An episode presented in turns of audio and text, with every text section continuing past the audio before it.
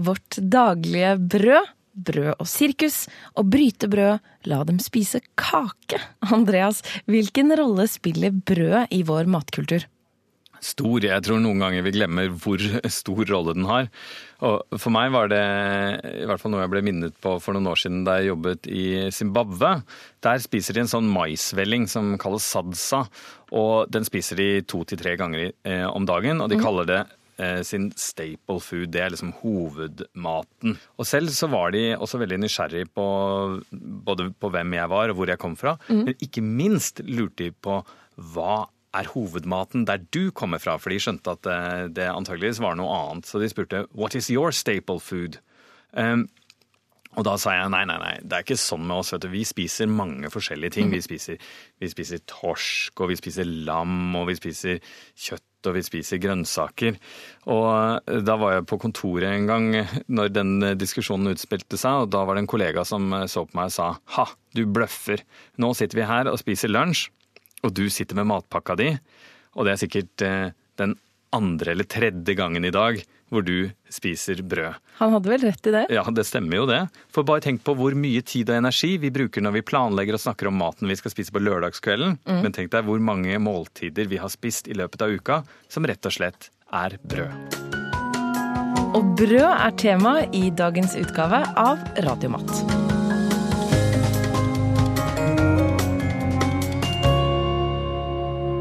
Den italienske futuristen Filippo Tomassi Marinetti drømte om at en gang i fremtiden ville man kunne formidle mat gjennom radio. At man rett og slett spiste det man hørte. Helt slik er det ikke blitt, men nesten. Og med dette programmet, som vi har valgt å kalle nettopp Radiomat, skal vi prøve å gi deg spiselig kunnskap. I Radiomat skal vi snakke om matens kulturhistorie, om råvarer, om matens betydning opp gjennom historien og i vår tid. Og vi skal snakke om smak. For hva er vel egentlig bedre enn når vår sult på god mat og vår nysgjerrighet på kunnskap smelter sammen? Ovenfor meg sitter kokebokforfatter, matentusiast og småbonde Andreas Viestad. Han er den eneste jeg kjenner som har tre vedfyrte bakerovner hjemme hos seg selv. Og ovenfor meg sitter matblogger, radiomenneske og hjemmebaker Pia Skjevik. I dag skal vi snakke om brød. Denne magiske blandingen av fint eller grovt malte korn, blandet med gjær eller rett og slett eh, en surnet versjon av seg selv, eltet til melkesyra tar oss, og deretter varmebehandlet til det ugjenkjennelige. Vi skal snakke om det magiske brødet. Men eh, det er ikke alltid man trenger å elte. Nei, heldigvis er det ikke det. Og dagens oppskrift fra deg, Andreas, det er jo rett og slett et eltefritt brød. Bakt i en helt spesiell bakerovn, antar jeg? Det er det brødet jeg baker oftest og med størst suksess.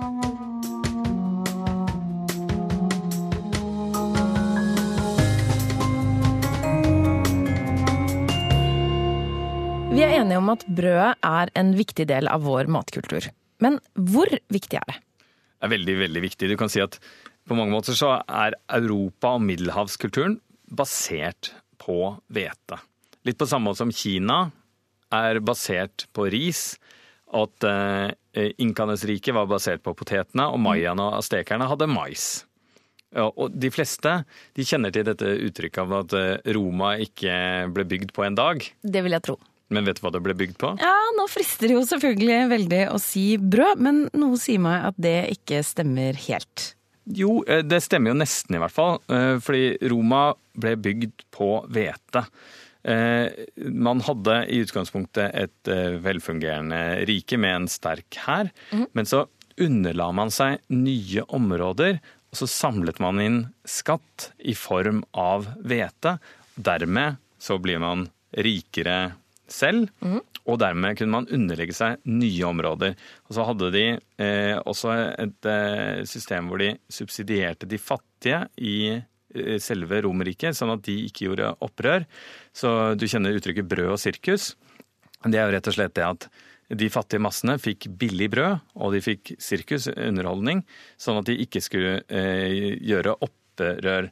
Og det var ganske mye, altså. Eh, I eh, på keiser Augustus' tid, så var det sånn at man eh, samlet inn 20 millioner fjæringskar med hvete. Til de av dere som ikke vet hva et fjæringskar er, det visste ikke jeg heller for, for litt siden. Det er rett og slett en ganske gammeldags måleenhet for tørre varer, rett og slett. Men Andreas, hva vil du si, eller hvor mye vil du si at dette tilsvarer eh, dagens mål? Det er eh, til sammen i hvert fall 70 000 tonn hvete. Bare fra ett et eh, land. Det var veldig mye hveteproduserende land man la under seg også. Hele denne stripen eh, i Nord-Afrika f.eks. var mye mer fruktbar på den tiden og hadde store hveteåkre. Det samme gjaldt eh, Frankrike, Spania og også Sør-England, som var så langt Romerike strakk seg. Men hva er egentlig hvete? Det er gress. Det er gress? Det er gress. Altså, opprinnelig var det gress som ikke var så veldig ulikt eh, alle andre typer gress, som bare vokste rundt om på enger og i skrenter. Eh, men så var det sånn at etter hvert så begynte menneskene å oppdage at eh, det var noe litt ekstra godt med dette gresset. At fuglene var litt ekstra glad i å gå, gå rundt dette gresset og plukke opp noen av de kornene som falt, på bakken, og at buskapen deres fikk mye mat ut av det, og så begynte man å spise det selv. Og så begynte man å samle det inn. Først da i konkurranse med fuglene. Og så etter hvert så begynte man å dyrke det selv også. Hvilke århundre befinner vi oss i nå? Ja, nå må vi lenger tilbake enn det. Vi må i hvert fall 12 000 år tilbake i tid. Ikke mindre? Og, nei, og vi befinner oss i det som kalles den fruktbare halvmåne. Dette området fra det som i dag er Tyrkia og Syria og opp eh, til Irak. Disse områdene som IS driver og konkurrerer om nå, det som ser helt sånn goldt og utrolig brunsvidd ut, det var det mest fruktbare området. Det var der landbruket har sin opprinnelse. Og det som skjedde med denne hveten, var jo at eh, stort sett så har gress den eh, lure ordningen at eh, det er, det er små korn som, er, er, eh, som, sitter fast, og så hver gang, man, hver gang det blir modent, så faller det ut. Sånn at det kan falle på bakken og spire på nytt. Men noen av disse gressene har en genfeil som gjør at, at disse kornene ikke faller ut. Og det er veldig praktisk for mennesket. Så menneskene ville høste dem og høste dem og høste dem. Så etter hvert så lagde man prioriterte man dem hele, tiden og dyrket videre på dem. Og til slutt så ble kornet sånn som vi har det i dag, at eh, det eh, forblir inni akset helt til man begynner å treske det og har, har, sanket det inn. Og Da kan du si at da er det ikke lenger et vilt gress, da er det korn slik vi kjenner det. Vi har rett og slett temmet gresset? Ja, det har vi. Og, og man kan si at gresset har temmet oss. Hva mener du med det? Jo, Eh, vi temmet gress og gjorde det til noe det ikke var, men du kan tenke deg at menneskene før den tid var nomader. Men når man hadde begynt å dyrke gress og hadde et eh, område, eller dyrket korn, og hadde et område hvor man hadde eh, hvor man ventet seg store og viktige avlinger, da måtte man være et sted og passe på de avlingene sine. Så i begynnelsen så begynte man da å bygge små hus, og så etter hvert små landsbyer. Og det var grunnlaget for byer og sivilisasjoner. Du hører på Radiomat, og hvis du liker Radiomat, må du mer enn gjerne følge oss på Instagram eller Facebook. Der heter vi NRK Radiomat. Du kan også bruke emneknaggen Radiomat hvis du vil dele bilder. Og for å kontakte oss, så er e-postadressen radiomat at nrk.no. Skulle du ønske du kunne høre dagens episode en gang til, så kan du selvfølgelig laste ned Radiomat på podkast.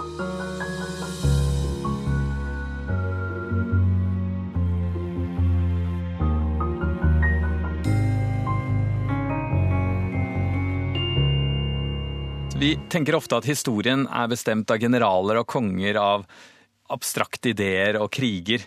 Men mye av historien, særlig den tidlige historien, men også seinere, den handler om mat. Hva menneskene hadde å leve av, har formet de valgene menneskene har tatt. Og det er noe vi skal komme tilbake til mange ganger i kommende programmer. Men la oss bli i Romerike litt eh, til. Du sier Roma ble bygget på hvete. Men hva da med de skikkelsene vi kjenner fra historiebøkene? Mener du at eh, Julius Cæsar ikke var viktig? Jo, du, du kommer kanskje ikke bort eh, fra eh, viktige generaler og viktige mennesker. Men, men, la oss eh, forfølge den tråden med hvete, da.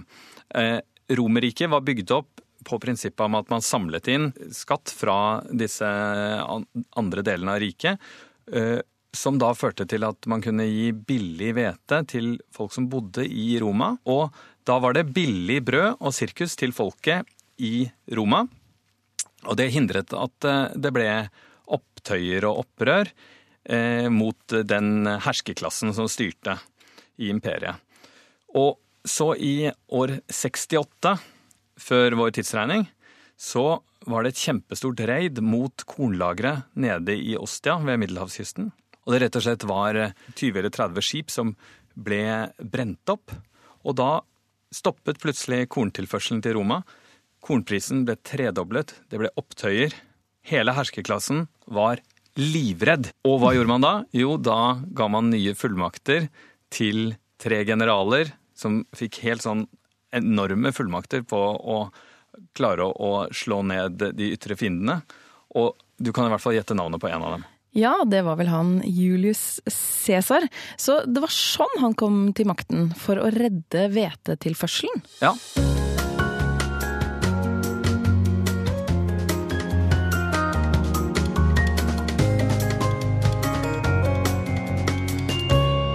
Altså, jeg elsker italiensk mat, men brød syns jeg liksom ikke helt uh, de får til. Hva er det som gjør at det brødet vi har her i Norden smaker så utrolig mye bedre enn brød de lager uh, ved Middelhavet? Det er jo bare loff og loff og loff og loff. Det er liksom ikke så mye substans. Er ikke det rart? Altså, man tenker alt det mangfoldet de har i matkultur, og så er det så mye kjedelig, kjedelig brød. Det er vel rett og slett en, en slags sånn rikdommens forbannelse at de, de har mye bedre forhold til å dyrke hvete, så da eh, har de hatt et overskudd av hvete. De har kunnet eh, nøye seg med å bare bruke det hvite inni hvetekornet. Og de har ikke hatt eh, brydd seg med å dyrke de mindre attraktive kornsortene.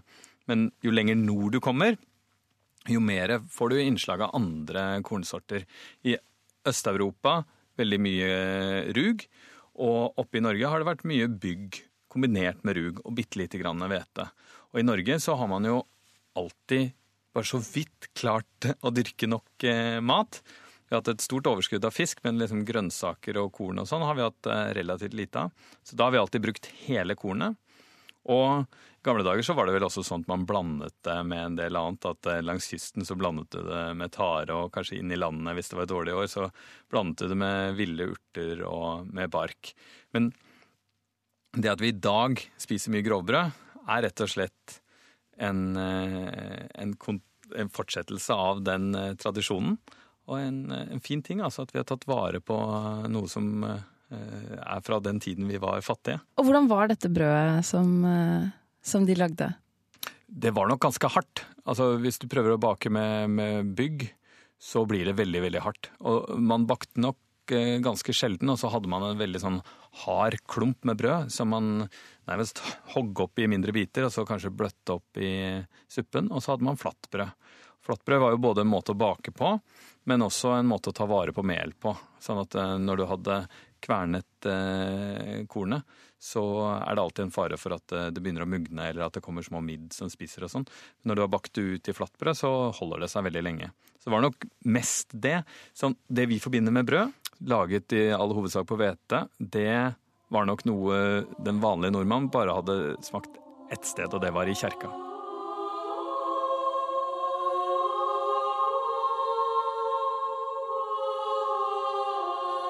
Gi oss i dag vårt daglige brød ja, og det er nettopp nattverden vi skal snakke om nå. Altså dette symbolske måltidet av vin og brød. Som litt eh, ettersom hva slags trosretning du tilhører, eh, enten er et symbol på Jesu blod og legeme, eller rett og slett blir Jesu blod og legeme.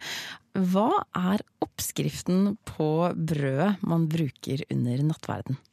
Å, hva som er den korrekte oppskriften på Jesu legeme, det har vært eh, gjenstand for eh, stor og sånn virkelig enorm eh, debatt. Og det toppet seg i år 1054, for da hadde det allerede utviklet seg to tradisjoner innenfor kirken. Kirken var en og samme men da var det en østlig tradisjon.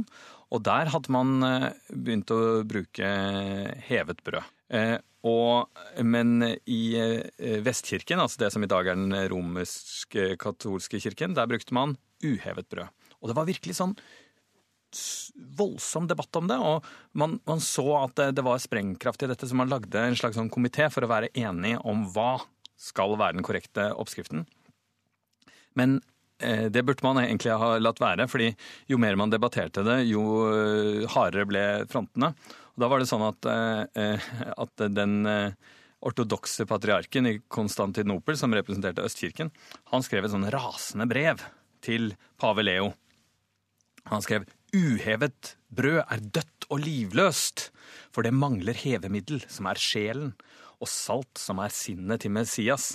Og like etter så døde pave Leo, så da var det en eh, som het eh, kardinal Humbert som overtok eh, rollen som liksom romersk bakmester, og han skrev tilbake og sa at hvis du ikke med trass og uvilje lar ditt sinn stå i opposisjon til sannhet, så vil du også være nødt til å tenke som vi gjør og innrømme at under det siste måltidet til Kristus så var det uhevet brød som han spiste. Fordi Jesus hadde jo da eh, spiste påskemåltid, et tradisjonelt jødisk påskemåltid, og spiste han som er det uhevete brødet. Og denne debatten eh, løste seg ikke, rett og slett. Og eh, man fikk det store skisma, det store skillet mellom de to kirkene. Og det første de gjorde da, da skillet var et faktum, det var at man sendte inn fotfolk inn i de rivaliserende kirkene, gikk opp til tabernaklene, rev ut nattverdsbrød og trampet på det. Der fikk dere den.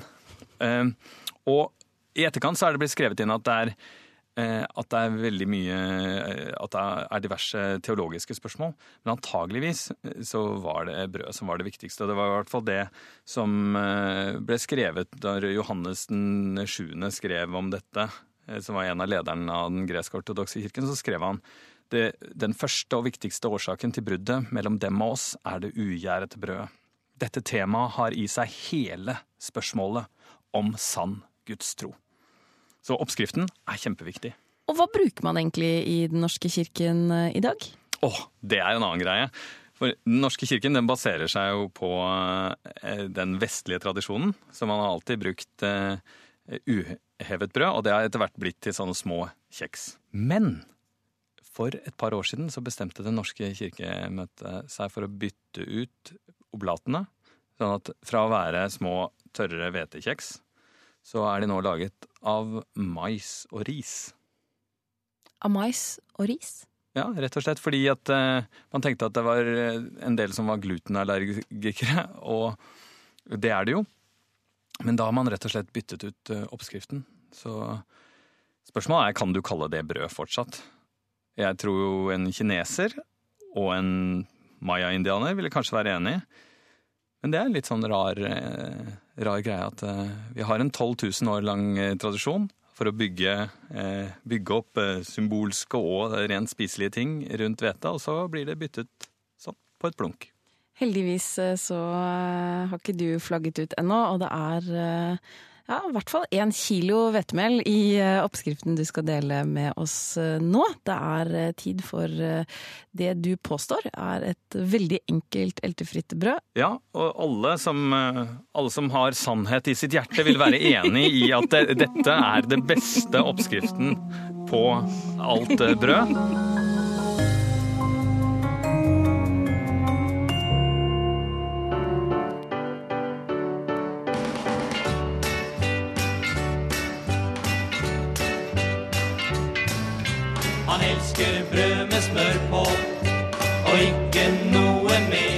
Hvis du løper rundt som en gal på kjøkkenet nå på jakt etter penn og papir, så kan du slappe helt av. For hvis du vil ha oppskriften på det eltefrie brødet til Andreas skriftlig, ja, da kan du enten sende oss en e-post på radiomat at nrk.no, eller så finner du oppskriften på Facebook og Instagram-siden til NRK Radiomat.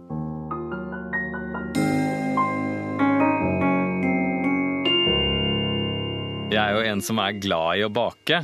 Eh, og av og til får jeg sånn ordentlig bakeraptus, at jeg prøver å, å utforske helt nye brødtyper og, og baker eh, mange, mange dager på rad. Men det brødet jeg faller tilbake på oftest, er dette eltefrie brødet, som jeg syns på en fin måte illustrerer noe av eh, bakingens magi. Og hva er det? Jo, det er jo det der at du blander sammen to litt, eh, hovedsakelig to litt kjedelige ingredienser, vann og mel. Eh, Men eh, så får du en interaksjon hvor det faktisk blir til noe som er saftig og luftig og, og har den der deilige skorpen. Eh, Og grunnoppskriften min er ganske enkel. Den er ett kilo hvetemel. Ja. Og så bruker jeg alltid hvetemel de første gangene. eh, Og så kan man spe med litt grann eh, rug, litt mer grovmel etter hvert. Men man må først bli litt sånn kjent med grunnoppskriften. Så ett kilo hvetemel, og så ganske mye vann. Åtte desiliter vann. Er det no, har det noe å si hvilken temperatur det vannet har?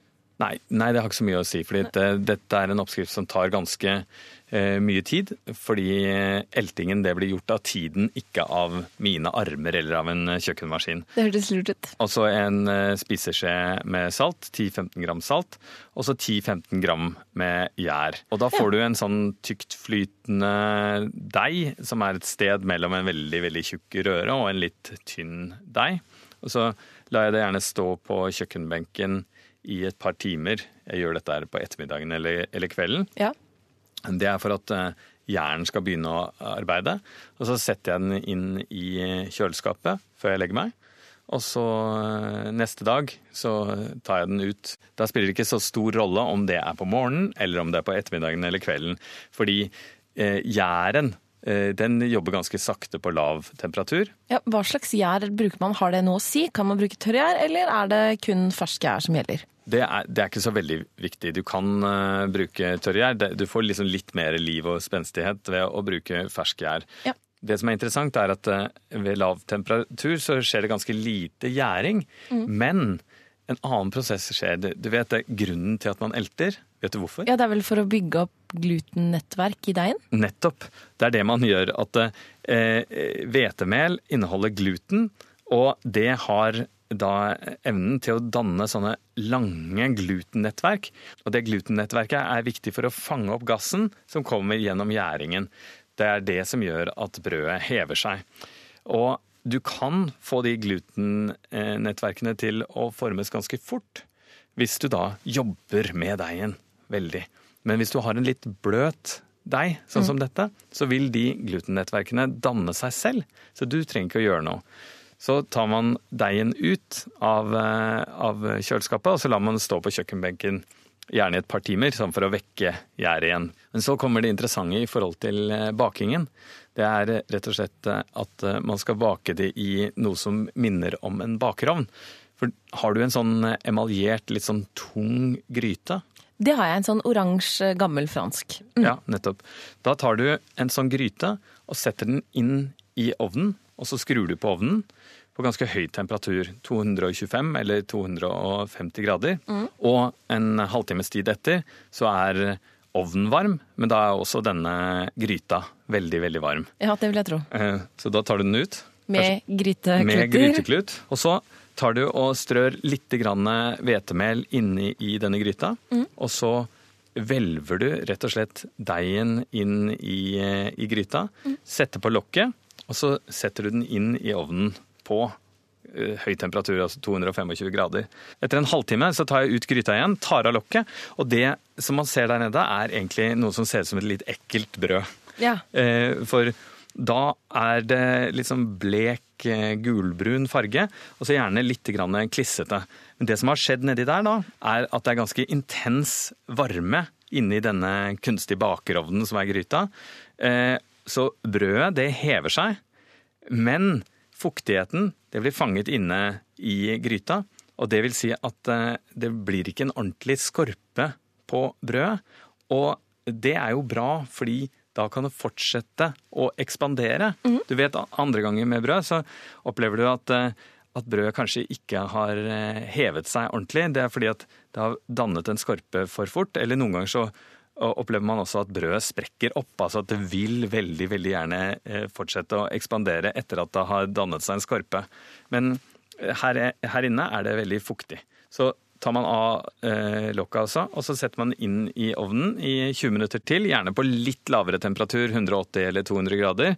Så eh, er det bare å ta ut brødet. Da er skorpen sånn gyllen og tjukk og sprø og litt grann søt. Og så det, eh, kan du rett og slett bare hvelve ut brødet. Det høres veldig godt ut. Hva er det du putter på den aller første brødskiva? Åh, Den aller første brødskiva er, syns jeg er helt sånn magisk. Det er noen som sier at man må vente i noen timer og sånn. Jeg går rett på og angriper. Og da er det ikke snakk om pålegg, da er det bare snakk om å nyte den på den aller, aller beste måten man kan. Nemlig ved å ta på en liksom litt for tjukk skive med gult smør og se det smelte. Ah, det høres helt fantastisk ut. Og smør det er tema for neste utgave av Radiomat. Hvis du vil høre programmet igjen, eller kanskje dele det med en venn, så får du Radiomat som podkast. Jeg heter Andreas Wiestad. Og jeg heter Pia Skjevik.